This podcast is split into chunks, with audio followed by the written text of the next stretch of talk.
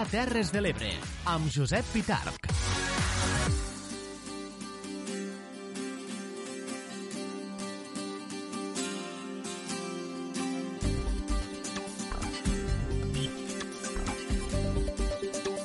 Al dia, la tertúlia. 4 minuts sobre el punt de les 3 de la tarda. Continuem i encetem ja la darrera hora del programa, d'aquestes 3 hores de programa del dia Terres de l'Ebre. I la tercera hora és l'hora de la tertúlia, l'hora del cafè de la tarda, que és com titulem la nostra tertúlia i que avui ens portarà a comentar també diverses qüestions d'actualitat. Aquest és un programa, ja ho saben, el Dia Terres de l'Ebre, un magazín que fem a través de sis dials, de sis emissores municipals de ràdio, que són la Plana Ràdio a Santa Bàrbara, Ràdio Tortosa, la Cala Ràdio a la Mella de Mar, Ràdio Joventut a Mas d'Enverge, Ràdio Delta del Tebre i també a través d'Amposta Ràdio. Avui, per a parlar de qüestions que fan referència a l'actualitat de les nostres terres i també a l'actualitat general, tenim el goig de presentar-los a la senyora Alicia Gamundi, que és membre de l'Associació de Dones Empresàries, Directives i Emprenedores de les Terres de l'Ebre. Alicia, bona tarda, benvinguda de nou. Bona tarda. També ens acompanya el senyor Josep Bertomeu, que és membre de l'executiva de Podem a les Terres de l'Ebre. Senyor Bertomeu, bona tarda, benvingut. Hola, bona tarda, moltes gràcies. I la senyora Dolors Bel, que és regidora d'Igualtat i Drets Civils, Memòria Històrica, Participació Ciutadana i Transparència de l'Ajuntament de Tortosa. Senyora Bel, bona tarda. Hola, bona tarda, gràcies. Eh, en fi, eh, tots tres, avui justament esteu eh, un fet insòlid, eh? Els tres tertulians estan, tertulianes estan a un mateix estudi, en aquest cas a Tortosa, mentre que un servidor, el moderador, està a un altre estudi diferent, eh, i bueno, això fa que no ens poguéssim veure les cares, almenys eh, la meua, entre vostès sí que, sí que es poden veure. Eh? Eh, bueno, coses de la tecnologia, coses de la, de la modernitat tecnològica. Escoltin, eh, voldria parlar-los d'un tema i és... Eh, fa un momentet hem entrevistat a la senyora Neus Sant Romà, que és la presidenta del Consell Comarcal de la Terra Alta, i parlàvem d'una de les qüestions que més els preocupa en aquella comarca, però jo diria que la preocupació és comuna als pobles de les Terres de l'Ebre i és, eh, en aquest cas, el problema del despoblament de les nostres terres. Esta setmana, justament, a la Terra Alta s'ha signat el conveni o l'acord territorial per al desenvolupament social, econòmic i d'ocupació digna, però que és una bona notícia, però per altra banda també hem llegit que el Parlament ha lamentat la manca d'un projecte integral del govern de Catalunya per a contrarrestar la despoblació, l'empobriment i l'envelliment de moltes zones rurals.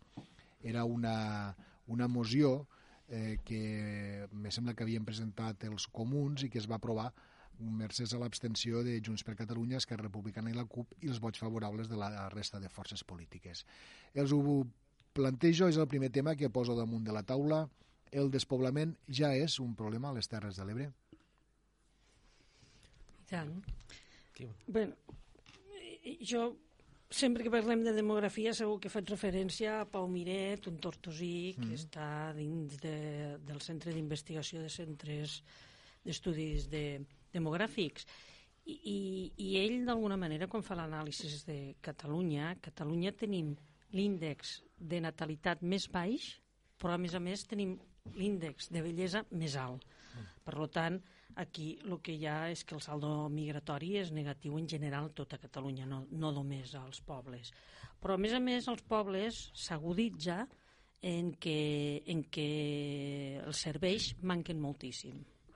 I els serveis a les Terres de l'Ebre cada vegada, sobretot el que és Montsià i Terra Alta, estan mancant cada vegada més eh, no hi ha serveis educatius, sanitaris i bones comunicacions. Això és essencial i el treball, perquè la vivenda no hi ha problema aquí. El problema el tenim, la vivenda, el problema el tenim a les capitals. Però els pobles, se, se, se, per natural, se'n va la gent jove, per què? Pues per això, perquè no té serveis educatius quan té fills per portar a l'escola, perquè no té serveis sanitaris bons i perquè les comunicacions cada vegada manquen més i, a part, la manca de treball, perquè l'agricultura i la ramaderia, que és el que es dedicaven abans amb aquestes terres, cada vegada s'està mecanitzant més i, a més a més, s'està abandonant molt. Llavors, si cal eh, polítiques fortes, cal polítiques familiars fortes, en quant estic parlant dels pobles, eh? l'altra mm. cosa parlaríem de les ciutats i les capitals, però en els pobles caldria unes polítiques eh, no de talonari de donar servei del, del talonet aquell que donàvem a cada família quan tenia un crio, de, de donar-li diners o coses d'estes, sinó eh, són polítiques familiars a nivell de serveis, de tindre els serveis. Per exemple, poso un exemple i acabo perquè si no no deixaré parlar i, i avui los tinc de frente. I, eh? eh, per exemple, posem el cas de dos pobles eh, molt propers a Tortosa. Abans tenien metge tots els matins, tots els dies, i un dia a la setmana a la tarda. Avui en dia eh, se'n va anar, després van tindre un metge menys horari, però ara és que tenen un metge que converteix els dos pobles les escoles, mm, també les escoles, quan no hi ha el ràtio cada bé, eh, no mirem la feblesa de la població, sinó mirem, eh, evidentment, econòmicament, però també s'ha de mirar tot el que és els serveis necessaris per a la gent més feble. Les comunicacions cada vegada estan pitjors i això eh, fa que ja no parlem del treball. Quan se va fer lo del treball a casa, en, quan va entrar la internet i es va dir, bueno, pues la gent que no vulgui viure a les ciutats eh, podrà viure als pobles més tranquil·lament. I hi ha gent de les capitals que ho va fer, i tant que ho va fer. Però el problema que es troba aquesta gent jove al anar als pobles a treballar és el mateix que ens trobem nosaltres, que manquen els serveis que he nombrat, que són molt importants. Ara, Josep, eh, la, Alicia ha dit una, una cosa que és eh, aquestes ràtios. No? Eh, la senyora Sant Romà, la presidenta del Consell Comarcal de la Terra Alta, dia que mentre les decisions es prenguen en base a números, simplement, és a dir, en base a ràtios, en base a això, eh, tenim tres alumnes a un poble, cinc a un altre, doncs, eh, tots a la mateixa escola. No? Eh, ella dia que, que mentre això continués d'esta manera que no s'avançarà, perquè de, detrás d'estos números freds i estadístics sempre hi ha una realitat que s'ha d'estudiar poble a poble. Bueno, no, perdona un moment, no ho dic jo, eh? jo el que he dit ho, ho, ho, ho transfereix sí, no, no, en entrevistes no. i en estudis Pau Miret, eh? No, Alicia, que també també era el comentari que ens feia la presidenta del Consell Comarcal de la Terra ah, Alta. Perdona. Sí, no, jo penso que està clar que dins de Catalunya les Terres de l'Ebre demogràficament pues, som el 2% aproximadament de la població, per tant, el pes que tenim és insignificant, no? A partir d'aquí, jo crec que també mm, des del territori també a vegades potser hem de fer una mica de, de valoració i, i autocrítica de on estem, de com hem arribat, no? perquè mm, en els últims 10 anys pues, Terres de l'Ebre hem perdut uns 10.000 habitants. Jo en els últims 4 anys vaig estar de regidor a l'Ajuntament de Roquetes i quan vaig entrar al 2015 hi havia una població del voltant de 8.500 habitants i quan vaig anar pues, eren 8.000, és a dir, van perdre 100 habitants cada any. No? És a dir, és un problema que en major o menor mesura afecta les quatre comarques de l'Ebre. I aquí jo sí que voldria incidir molt en que té molt a veure quin ha estat o quin és el model de desenvolupament que tenim, quin, quin tipus de societat tenim, no? i sobretot tenim un model de producció que és el que els, eh, els estudiosos han definit com un model basat en la, en la mà d'obra intensiva i no en, la, en el coneixement. És a dir, que aquí hem creat un sistema de, econòmic molt basat en la, en la feina poc qualificada, eh, que això s'associa pues, a precarietat, i, i que després pues, què ha passat? Que quan ha vingut la crisi econòmica i s'ha destruït bona part del teixit productiu que hi havia, que ja era prou feble, perquè no aportava gran valor afegit més enllà d'una mà d'obra més barata que a tres puestos, doncs ens hem quedat com aquell que diuen el cul a l'aire. No? I ara pues, apareixen molts de, molts de problemes que, evidentment, pues, eh, si hi ha falta de, de serveis, perquè evidentment a partir de les retallades que s'han aplicat a partir de l'any 2011 pues, també els serveis públics que ja de per si podien estar infrafinançats pues, encara ho estan molt més i en un territori que està empobrit pues, això se nota molt més per què? perquè la gent a un territori pues, més ric com pugui ser Barcelona o el Camp de Tarragona pues, si el servei públic no dona suport, no dona resposta pues, potser pots acudir al mercat i comprar-lo a través pues, d'una previsió social en les mútues privades, o etc. No? Mm. I compres el benestar, cosa que en un territori empobrit pues, és molt més difícil i això pues, fa que, que la gent pues, ho, ho passi més malament. No? Jo també aquí el que voldria reivindicar és que eh, perquè a vegades aquestes situacions també se mos venen o se mos, com no hi ha alternativa, no, no hi ha res a fer, és, sempre hem estat així, sempre hem estat un territori abandonat i ho estem, la doble discriminació que patim des de Barcelona i des de Madrid, tot això és veritat, però crec que a vegades també cal fer un pas avant i eh, superar el paper este de víctima, no? I crec que aquí en este territori, a l'any 2012, se va fer un pas molt important, que era el Pla Estratègic de les Terres de l'Ebre, que precisament el que buscava era, en, un, en molt de consens territorial, pues, buscar eh, precisament donar resposta a tots aquests problemes. Desgraciadament, este, este pla pues, no s'ha arribat a implementar mai i, i potser sí que des de la ciutadania eh, hauríem d'exigir als nostres representants polítics que el posen en pràctica.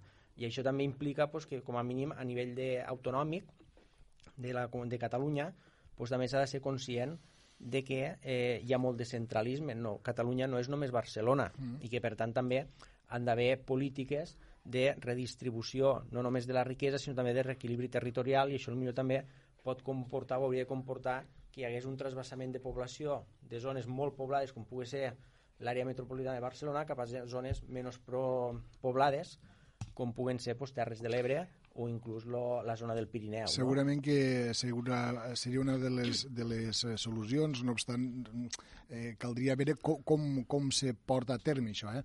Dolors, no, no sé si coincidixes amb Josep i amb Alicia. Sí, sí, sí, hi ha, eh, bueno, per no repetir una mica els arguments que ells han donat, només començaré dient que eh, la, per la pregunta que fes inicialment, evidentment, eh, jo crec que és una realitat eh, el fet del despoblament a, a moltes zones de territoris de Catalunya i també eh, recordar també el despoblament que es eh, patís també a, a la resta o a molts territoris eh, d'Espanya, de és a dir, el que també anomenen l'Espanya vaciada.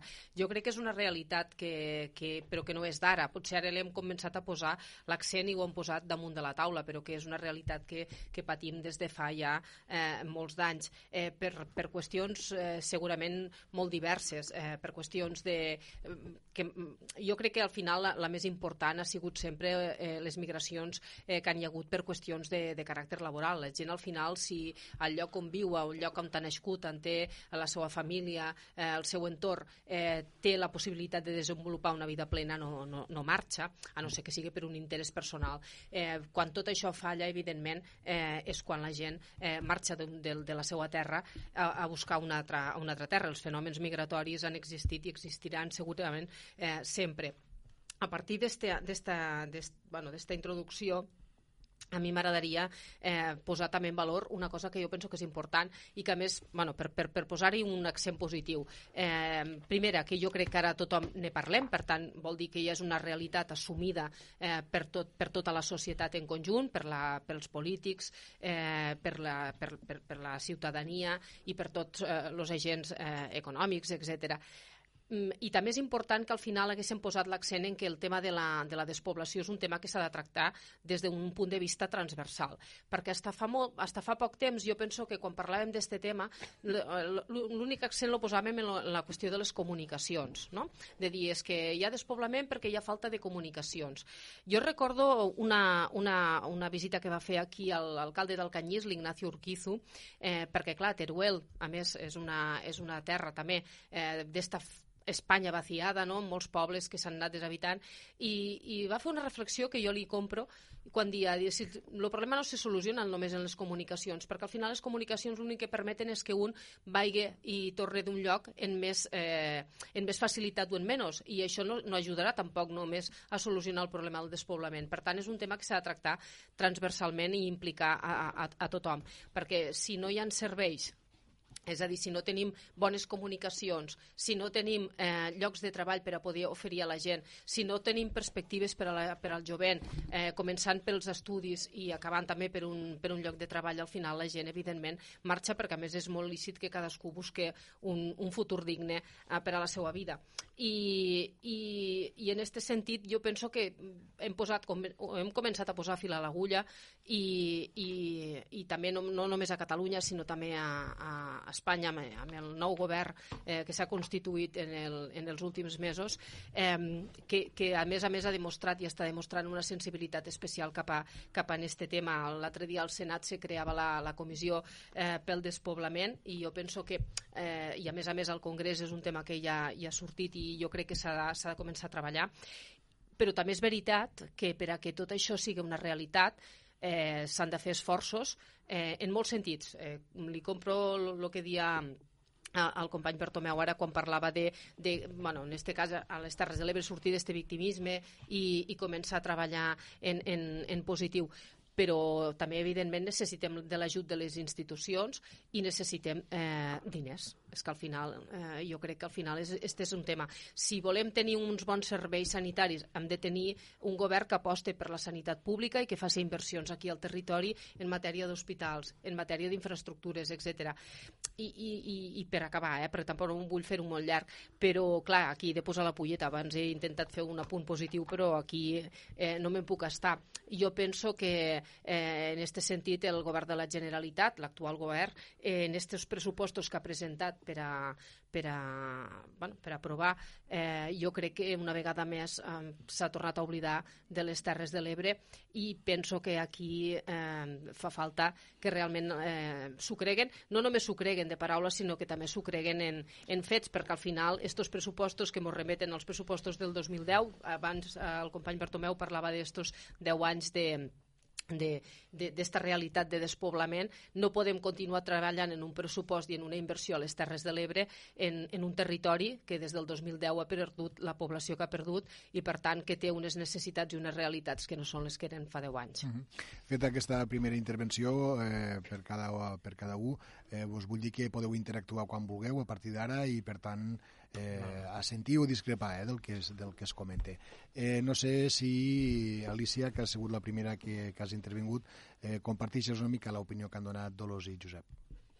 Sí, en, en, sí, sí, en definitiva és una qüestió pura i dura econòmica. Jo del pla estratègic, una mica, quan ho ha dit eh, Josep, eh, he fet una rialla perquè de plans estratègics se n'han fet molts molts. L'últim que es va fer, nosaltres, eh, des de l'Associació de Dones Empresàries, Emprenedors i Directives de les Terres de l'Ebre, vam intervindre i moltes vegades eh, els plans estratègics volen una mica. Ja està bé, ja està bé, perquè moltes vegades de les utopies naix realitat o dels somnis se fan verdaderament coses reals. Però cal, eh, com ha dit ell, enfatitzar en que el, el què ja el tenim i el com també, anem a fer-ho, anem endavant. I una mica també estic d'acord en este, jo, jo sempre ho he dit a les tertúlies, les, les que em coneixeu, que el victimisme, sobretot el victimisme molt a Tortosa, jo sóc tortosina, el victimisme és molt, molt, molt gros en les Terres de l'Ebre i, i hem de... Mira, a mi hi ha una gent que jo sempre dic que, que admiro, que és és, és la gent de Deltebre. La gent de Deltebre estaven eh, sota el caciquisme tortosí pur i dur, pur i dur.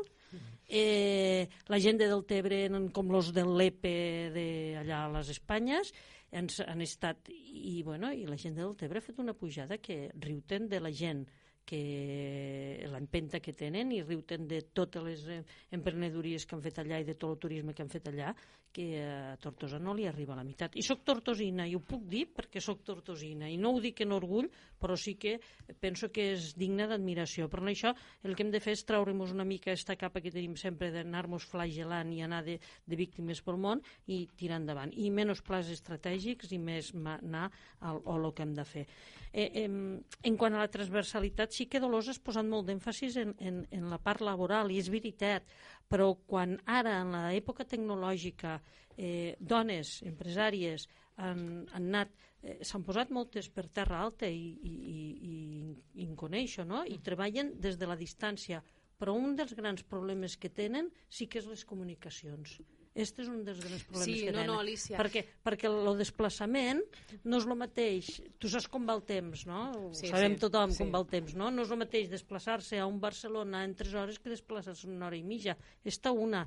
I, i després, en tots els serveis, quan aquestes dones eh, tenen fills i, i comencen la criança, a més tenen la sort moltes de tindre la mare allí i, i que, i que a veure, i, i el poble tu saps que és com una família, és que, com tothom, una petita comunitat. que tothom vigila de tothom, dels crios, però eh, llavors tenim el problema dels estudis, i els problemes sanitaris.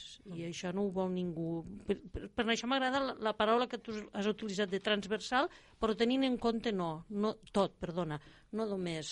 No, no, jo el que volia dir era que mm, això, que durant molt temps només han parlat de comunicacions sí. i que hi ha molt, moltes més coses eh, a, a afegir el tema de les comunicacions i que, i, i que jo me n'alegro que per fi eh, parlem d'altres coses que no siguin només les comunicacions que evidentment són molt importants i per cert quan parlem de comunicacions m'he oblidat però també les comunicacions eh, estem parlant també de, eh, de, de, de l'internet una cosa tan, tan simple però que, que, pugui, que pugui arribar que pugui arribar a tots els mm. pobles i que tothom pugui estar connectat en este, en este món eh, de tecnologia eh, en el que vivim i en el que és necessari per a, per a segurament eh, des, del, de, des de poder parlar a connectar-te, eh, rebre un correu electrònic, enviar, fer... Una cosa tan senzilla també hauria d'arribar a tothom.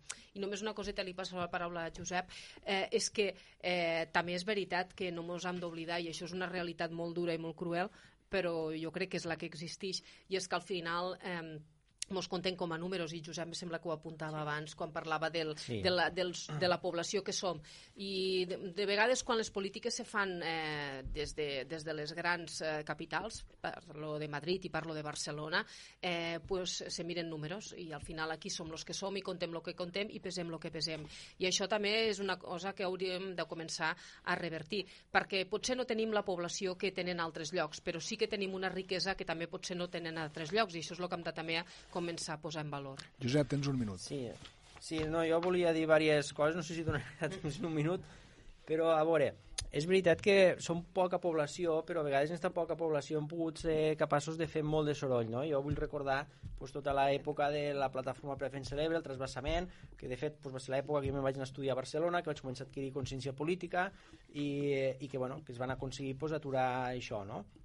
Després també el pla estratègic, sí, potser és una utopia, però bueno, d'algú s'ha de partir i al final el pla estratègic es va coordinar des de la URB junt amb tots els eh, agents socials, no? associacions empresarials, sindicats, partits, eh, moviments socials, doncs crec que era un, un primer pas per a posar un, un model de desenvolupament sostenible, no? pues basat en un turisme de qualitat, en una potent indústria agroalimentària que, que no existeix, perquè aquí es pot produir molt el sector eh, agroalimentari, però la, el que és el processament del producte, que és el que dona valor afegit, se fa, se fa fora i, i això pues, no, no, no deixa riquesa al territori no? Mm. I, i després també, a veure, el tema de les comunicacions és important però ja s'ha dit, tampoc no és el mm, més important perquè a dia d'avui mm, a veure, jo per exemple també dono classes a la universitat a, a Barcelona tant en tant i jo pujo i baixo el mateix dia en, normalment en l'autocar de la IFE i veus que a l'hora que l'agafes va ple de gent que puja i baixa cada dia sí, per anar a treballar a Barcelona. No ho deixem... a Terra Alta, a Pobla de no, Massaluca. Ja, ja, ja, ja. Ho, ho, deixem aquí, ho deixem aquí, si us sembla, perquè hem esgotat el temps, hem de fer la desconnexió publicitària. Tornem en 3 minuts.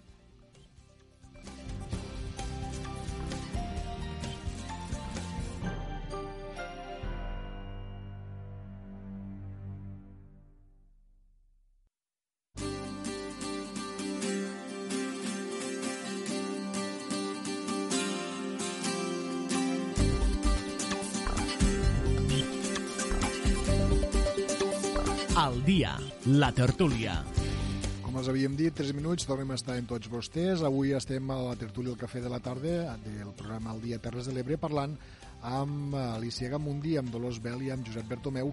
Aquí pràcticament, Josep, t'he hagut de tallar eh, abans Tranquil, de la... no passa res. Eh, Se'ns tirava el temps a sobre. Mm, no, crec... És que a mi m'agrada molt enrotllar-me. Bueno, ja eh, no, home, la veritat és que ha estat una primera part molt entretinguda de tots tres parlant d'aquesta qüestió que parlàvem dels, dels problemes del despoblament que ocasiona les nostres terres i tinc altres temes per a, per a tractar, però sí que volia, mm, volia començar aquesta segona part fent un...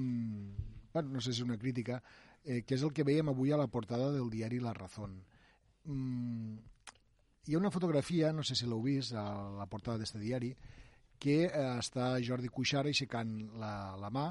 Ahir sabeu que va ser el primer dia que va poder sortir de la presó gràcies a l'aplicació de l'article 100.2 de, de la llei de, eh, de penitenciària.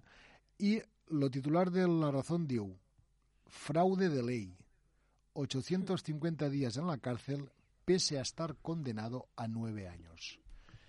Eh, i, I ho dic que és una crítica perquè crec que justament amb un titular d'aquestes característiques no es fa allò que un mitjà de comunicació ha de fer, eh, que és informar d'una manera mm, objectiva.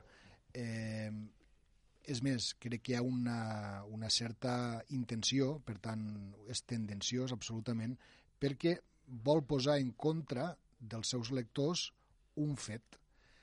Mm, a banda d'això, també cal dir que els exconsellers Joaquim Forn i Dolors Bassa també properament sembla que podran sortir gràcies a l'aplicació d'aquest article 100.2. De tot plegat, què en penseu? Bueno, jo, jo sóc molt radical en això, ja ho sabeu. No haurien d'estar a la presó. A veure, ara, ara estem donant peixet i, i sembla que, que, que estiguéssim fent les coses, bueno, ara surten de la presó, ara els deixen anar. No haurien d'estar a la presó, no haurien d'estar a la presó. Eh, i, I en això de la premsa que dius, fa molt de temps, però molt de temps, que determinades eh, periòdics, determinades televisions estan fent unes, unes, unes comunicacions anticatalanes i anti de tot que, bueno, mm, jo crec que... Jo a vegades faig mal fet, però és que depèn de qui surt, ja tanco la tele o depèn de quina tele ja no la veig i potser faig mal fet perquè no puc ser del tot objectiva llavors i ho hauria de ser-ho però penso que estos comentaris i és que no sé què dir-vos. Jo... Clar, eh, de totes maneres, jo ho comentava el tema este d'este diari, perquè és un contrasentit, és a dir, aquestes mm, persones, mm, un altre debat és si estan o no estan justa o injustament a la presó. Ah. Este és un altre debat. Però eh, sí, l'aplicació del 100.2 és ho permet la llei. Per tant, tu no pots dir que això és un frau a la llei, perquè no és cert. Però quantes coses s'han dit, Josep? Ah, moltes, sí, Que és un frau sí. a la llei, o que és però, però cada dia n'estem llegint, cada dia, cada dia. I penso que al final ho estem fent tan rutinari que ho fem normal. Mm. I cada dia n'estem llegint de coses que ens posaríem les mans al cap. I, i en quant a, a, a t'estic parlant en quant a periòdics en quant a televisions que estan, són tendenciosos totalment, totalment. Sí. No parles tu. Perquè li deixaré... No, jo seré molt breu perquè li deixaré el temps a Josep. Jo a Josep lo conec i com que conec la seva formació eh, com a advocat, segurament ell podrà parlar més de tot això que, que no pas jo, que evidentment no, no sóc llicenciada en dret i per tant, eh, a veure, eh, separant eh, els dos... Eh, els dos debats que podíem tindre aquí sobre si han d'estar o no han d'estar, eh, no hi entraré. Eh, el, que sí que, el que sí que penso que és, eh, és llastimós eh, i, i, i tant Josep com Alicia em coneixen, jo no soc, no soc independentista, però jo penso que és tan, mm, tan lloable o tan bo ser-ho com no ser-ho, cadascú des del respecte podem pensar allò que, que creguéssim que haguem de pensar, eh, però el que sí que és veritat és que titulars com este eh, a mi em semblen llastimosos, deplorables i no sé quin adjectiu més dir-ho, i ho diu una persona que no és independentista, perquè penso que al final això no, no ajuda absolutament a res. Eh, fa molt temps que estem dient que hem d'intentar reconstruir ponts, hem d'intentar eh, trobar una solució a, a, a tot aquest problema que tenim i, i en titulars com este l'únic que estem fent és alimentant eh, encara més eh, un, un, una, una una polèmica i una animadversió cap a, cap a, cap a aquestes persones que tampoc jo no li trobo, no li trobo cap, ni, cap ni peu. Segurament el que passa és que bueno, la Razón té la línia editorial que té, tothom sabem eh, quina és la seva, la seva ideologia, el seu pensament, i necessiten d'estos titulars per a continuar alimentant el seu públic que els hi demanda segurament eh, eh, pues, frases i titulars com este que acaben de dir però ja dic, a mi em sembla del tot deplorable i censurable perquè penso que això no ajuda absolutament a res. Eh, penso que, eh, com sempre hem dit nosaltres, el respecte a la llei, si això s'ha fet és perquè la llei ho permet i per tant a partir d'aquí l'únic que podem fer és ser respectuosos en la llei i no hi ha res més. Josep? Sí, a veure, jo el primer que volia deixar ben clar és que, desgraciadament, a dia d'avui, tot allò que faci referència d'una manera directa o indirecta el que s'ha anomenat com el procés, pues, és, és un debat que d'entrada ja està molt carregat d'emotivitat. De, de, i, I això pues, fa que moltes vegades el debat no, no sigui lo suficientment racional com hauria de ser, no? perquè la gent s'hi portar pels sentiments, pels impulsos i no per altres coses. Jo no, no vull entrar en, en este debat, jo, la gent que em coneix sap de sobres quin és, quina és la meva postura, jo sóc una persona pues, de pensament i de conviccions profundament federalistes i per tant tampoc no, no sóc independentista des d'aquest punt de vista. Ara, eh, entrant també al que és el tema del periodisme i els mitjans i, i la raó que demostra pues, en titulars com este que de raó poca sinó que és irracional no?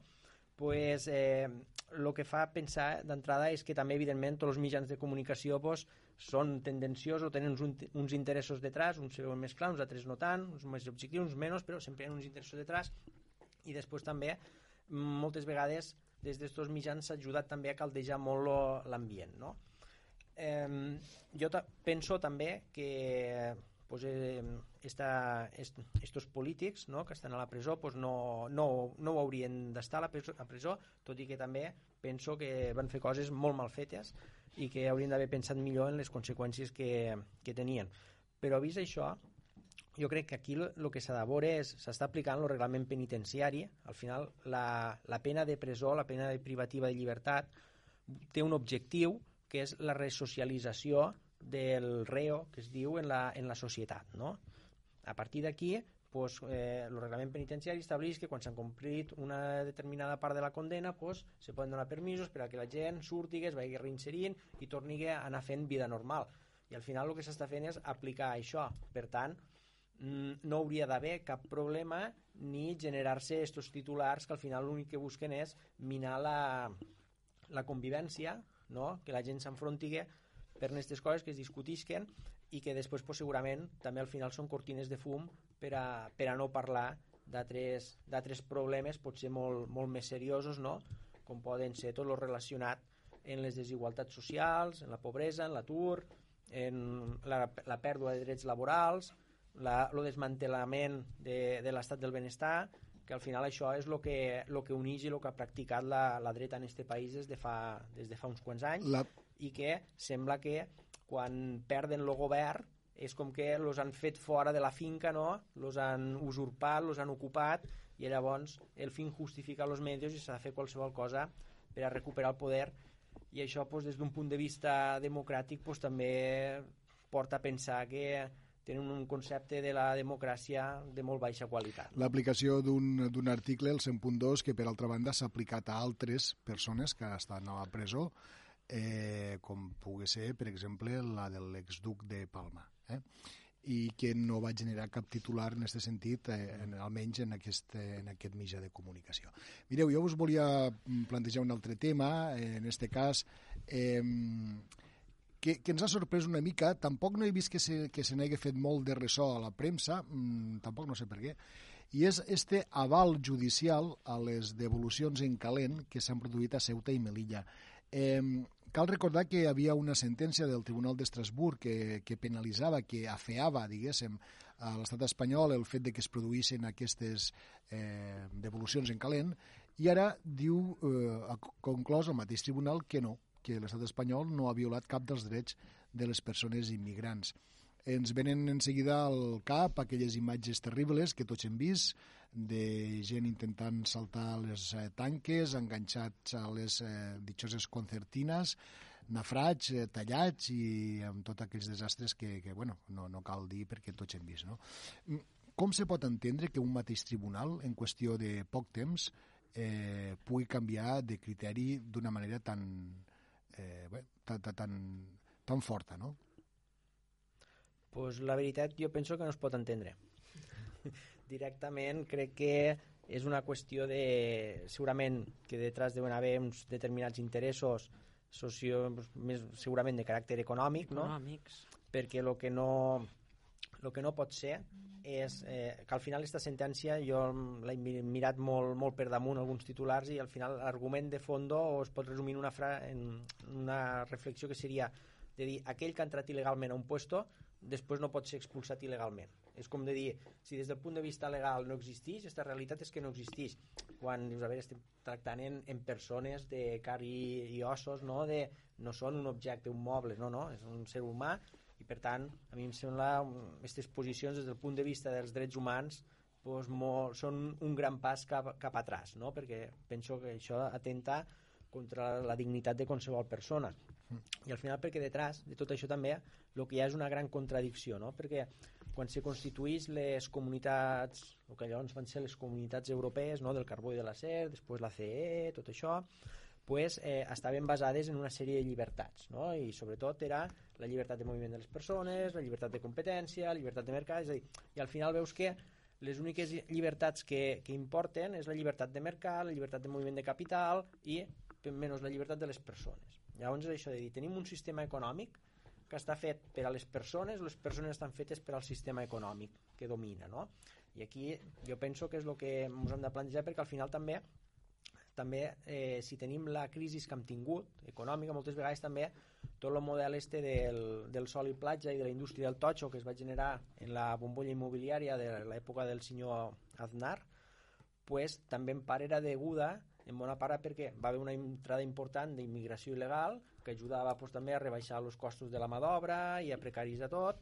I, i claro, mm, les persones no són només mà d'obra que es pugui explotar no? Les persones han de ser són certs en drets i deures i, i que clar, hem de començar per reconèixer la, la dignitat mínima que estableix la Declaració Universal dels Drets Humans mm. de l'any 48 i Alicia. això implica pues, hi ha un determinat model eh, econòmic o, o de societat que hauria de limitar algunes coses, no? I al final també este neoliberalisme que tenim, este, esta voluntat de desregulació dels, de tot, de les fer este, pues, home, no cal ser tan fonamentalista, cal pensar més en les persones i, i arriba al punt de que potser hem de començar a pensar en que s'ha de tornar a redistribuir millor la riquesa perquè al final això és un problema de, de desigualtats molt importants i que, i que arriben a un punt que serà insostenible. Difícil d'entendre, sí, eh? Bueno, Alicia. Bueno, sí, jo, jo crec que... Bueno, jo d'economia no n'entenc per no dir quasi gens, no? però eh, jo crec que evidentment és un problema econòmic, però és un problema econòmic mundial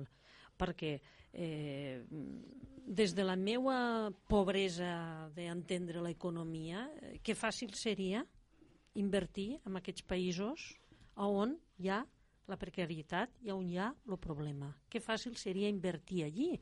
Inclús se podrien generar riquesa no només allí, sinó als països que inverteixen, però no interessa, els grans lobbies mundials no els interessa.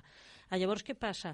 Que, clar, tota aquesta gent és, és el que estem dient, que estem parlant de persones, estem parlant d'éssers humans, i, i molt, a mi m'agrada molt aquella imatge que a vegades ens fa recordar de quan els nostres se'n van tindre que anar, no només a la postguerra, eh, sinó després també, cap a Suïssa a treballar, quan se'n van tindre que anar cap a Alemanya a treballar, eh, les grans extensions de gent que anaven per la precarietat que hi havia aquí, que poc m'ho en, recordem, en recordem, que poca memòria històrica tenim en aquest sentit.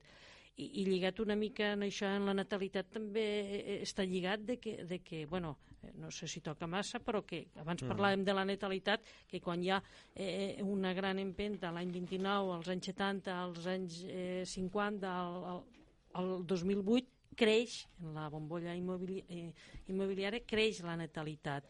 I llavors sembla que tots estiguéssim bé. Però no pensem en aquestes persones que han immigrat i que ens han ajudat. Eh? I això és important eh, saber que el factor humà és important, però manen els grans lobbies mundials i mana l'economia. I don dinero, que ja ho va dir eh, Becker, que és poderoso caballero don dinero, no? Sí, és que és complicat, és un tema Este, este és, un, és un tema molt complicat, molt complex. Jo penso que a, a mi quan parlem de, del, del fenomen de la immigració sempre m'agrada anar molt en peus de plom perquè, perquè penso que, que, bueno, que hem d'anar molt en compte en el llenguatge, en les paraules, no ho dic per als companys que m'han precedit ni molt menys, eh? ho dic perquè de vegades hi ha algunes manifestacions que fan una mica de temor. Ara ja sé que no ve al cas, eh, Josep, del que mos estaves plantejant, però me ve al cap no, les manifestacions de Vox no, quan parlaven de la immigració sí. i la relacionaven amb la delinqüència. Per això dic que és, és un tema... Avui, avui mateix Dolors, eh? Avui ho feien per sí, això, sí. per això. Jo, jo penso que és un tema molt complex i aquí, en el tema este concret que, que mos, planteja, bueno, que mos plantejaves, que, que, que comentaves sobre, sobre l'aval judicial, jo crec que al final se barregen diverses coses, eh? i no sé, no sé si estic equivocada o no, però jo és el que penso.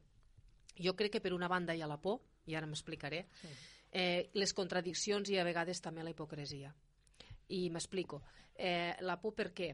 Perquè al final eh, nosaltres hem, geogràficament, parlo d'Espanya, eh? parlo com a, com, a, com a país, estem situats geogràficament on estem situats i som la porta eh, de, de l'arribada d'entrada de, de, de molts immigrants, sobretot de, de, de, de l'Àfrica, del nord d'Àfrica i del sud d'Àfrica, etc. Llavors, eh, jo crec que al final està, eh, este, este fet eh, per a, que, que mos ha passat ara en este aval, jo crec que al final és un avís, és una mena d'avís perquè al final eh, els països que han al nord eh, de nostres, que estan més amunt de nosaltres, eh, bueno, d'alguna manera diuen, ei, parem lo carro, eh, a veure com ho fem, eh, fem un toc d'atenció perquè aquí no pot anar entrant tothom. Tothom sabem que eh, quan arriben si hi ha immigrants que es queden, però també sabem que hi ha molts que continuen eh, carretera amunt cap a països com França, Alemanya, Bèlgica, etc etc.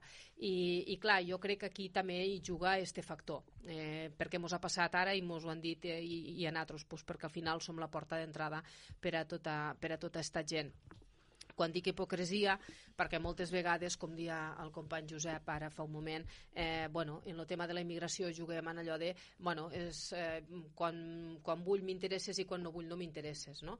Eh, I en això jo crec que tots hem de posar una mica el mea culpa, és a dir, els immigrants en, eh, en conjunt, eh, com, a, com a concepte, han ajudat a pujar moltes societats, però en, en algun moment determinat, quan ha aparegut una crisi econòmica, etc, eh, han sobrat eh, i han fet nos, han estorbat i llavors eh, comencem en aquells discursos contra eh, la immigració.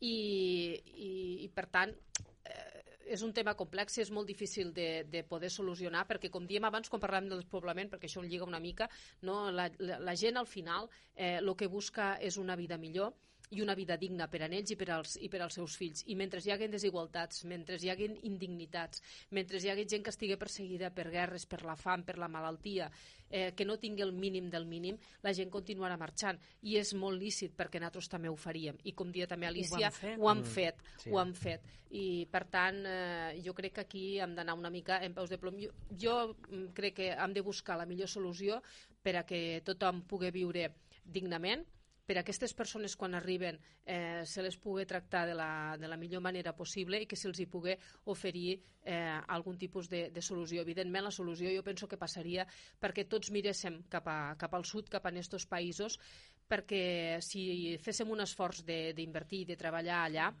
no només les ONGs i els cooperants, sinó eh, els, els, els, els poders polítics, segurament eh, esta gent no voldria marxar del seu país, perquè jo no crec que hi hagi ningú que, que vulgui marxar, a no ser que sigui per un interès personal, com he dit abans, de casa seva, del seu entorn, de la seva família i d'allò que és eh, el seu món. En... Per tant, no, no, disculpa, en, to, en tot cas, eh, sí. per afegir una, una matisació més al que esteu dient els tres, en tot cas el que es troben aquestes persones és una Europa eh, que no deixa que els vaixells atraquen a les seues costes, es troben en una Europa que fa que països TAP, com ara Turquia, amb Erdogan al capdavant, eh, els ho barri també el pas, amb la única finalitat de que, com dèieu, finalment aquesta gent no, no arribi a la vella Europa. Sí, però també una, una, una coseta només en això que estaves dient ara, Josep. Eh, quan parlava també de la hipocresia i de tot això, mm. eh, moltes vegades estos mateixos països que fan de tap són els que proporcionen les màfies que els porten als llocs on sí. els porten. Sí. És a dir, els hi demanen tot, els hi treuen tot i quan arriben allí els hi diuen i ara d'aquí no podeu passar. I, a part, no. i, i, i aquí hi ha tot un, un altre filo segurament per a, sí. per a parlar, que és lo de les eh, màfies que, que trafiquen, perquè això s'ha de dir així, en, en, en, en les persones, en I persones després, humanes. I després també hi ha pues, que esta gent moltes vegades marxa del seu país mm, per necessitat, no? perquè fugen de, de, o sigui, fugen de la gana o fugen de conflictes armats que al final estan provocats o bé pel canvi climàtic que fem sobretot als països occidentals o bé també per, per conflictes que o estan potenciats o, o alimentats per les potències occidentals o també pels interessos de les multinacionals per a controlar els recursos naturals no? i llavors és això de dir mos volem aprofitar dels vostres recursos però eh, això que vos genera misèria, després les conseqüències tampoc no, no les volem acceptar. I, I això per això jo diria que el que cal és un replantejament global del, dels models econòmics de creixement, perquè són uns models totalment insostenibles i que és això de dir, per, hem de ser conscients de que per al benestar d'uns pocs i que el benestar també a l'Europa occidental cada vegada doncs veiem que es deteriora més, eh, se perjudica més gent i, i això pues, i, i també la, la, la riquesa cada vegada s'acumula en menys mans no? llavors pues, eh, aquí han d'haver canvis jo no sé si els canvis vindran només de la mà perquè se pugui gravar molt més el capital, com defensava l'economista este de moda, el Tomàs Piketty. Piketty, sí. Pot ser una, una solució d'entrada, però no només la única. Mm, no sé si vindrà millor algun altre estallidor revolucionari com va haver l'any 17 o coses, però mm, que fan falta canvis està, està clar. La, la, la solució més, jo crec, més equànim i més la millor seria invertir en els països que són esta gent perquè com ha dit Dolors, a ningú li agrada sortir de casa d'ell. Sigui per qüestió de bèl·lica o sigui per qüestió econòmica, a ningú li agrada, per tant, però clar, les grans potències, això de que... els armaments i tot això, pues, Però guanyen sí, molts de diners. Inversions també. segur que et diran que n'hi ha en aquests països, perquè van a comerciar mm. en sí, el petroli, en el que sí. sigui, el que passa lo, que però, han, de, han de ser aquestes inversions han de ser més justes. No, i a banda d'inversions més justes, després també hi ha un altre fenomen que juga al camp dels països a un, a un, dels que estem parlant, no? d'estos països del tercer món, perquè així els, així els anomenem, mm. i és la, la corrupció dins sí, dels mateixos governs, sí, sí. Eh, mm. que moltes vegades, i en això hem d'entonar tots el mea culpa, a vegades eh, amb girar tots girem la, girem la cara, i, i que també és molt important, no? perquè a vegades arriben molts de, molta ajuda, arriben, eh, arriben coses i no saps ni com ni per què, bueno, sí que crec que ho sabem tots per com i per què, no arriben a la població que més ho necessita, i per tant eh, jo crec que aquí hi ha molta feina a fer, són moltes tecles a tocar i és un tema molt, molt, molt complex mm. i molt complicat. Però jo crec que l'hem de tractar amb molta cura perquè, eh, a, a més de tot això, moltes vegades eh, hi han certs, eh,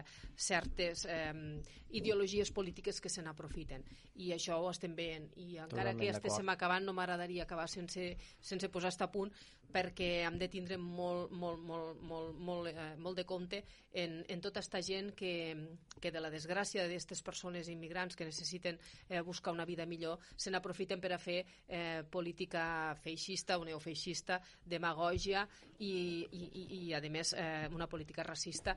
I això és molt perillós. I a Europa malauradament ho estem veient massa últimament i al nostre país.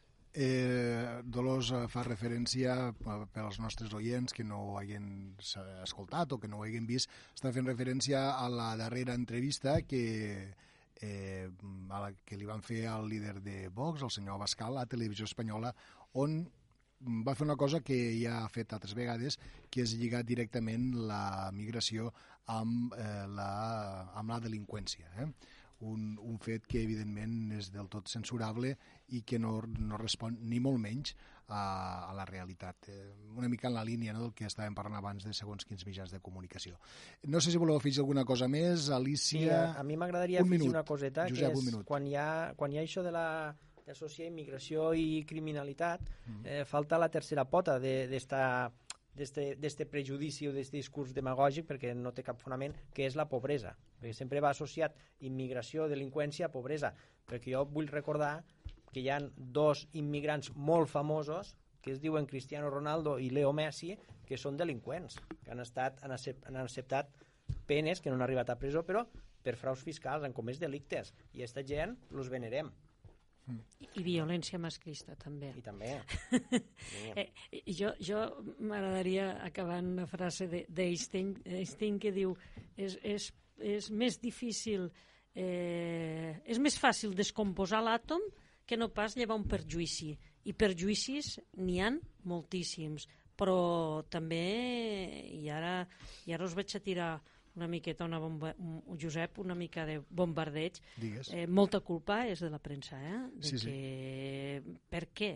Inclús, inclús de, la premsa i dels mitjans tipus Facebook, eh, eh, Twitters i coses d'estes. Obris el Facebook i el primer que hi ha són que ha dit Abascal, que ha dit eh, poder... Ai, Uf, mare. Que ha dit Abascal, no, no anava a dir Podemos, que ha dit Abascal, que ha dit Abascal, o que ha dit eh, Ciutadans, o que ha dit i, i, i jo, i vinga likes, i vinga no sé què, i en premsa també passa molt, potser poses inclús TV3, eh, te diré, i mm. bueno, surt quantitat, pues, no, potser, jo no dic que censurem, però potser equilibrem una miqueta ja de, de deixar d'escoltar aquesta gent com menys cas i com menys potència se'ls hi fes, millor aniria. Em sembla una, una bona, un bon argument, Alicia eh, un argument que t'agraïm, eh, com també agraïm la participació de Dolors Bell i de Josep Bertomeu una tertúlia d'aquest divendres. A tots tres, moltíssimes gràcies i fins una propera ocasió. A vosaltres. Moltes gràcies, gràcies a vosaltres.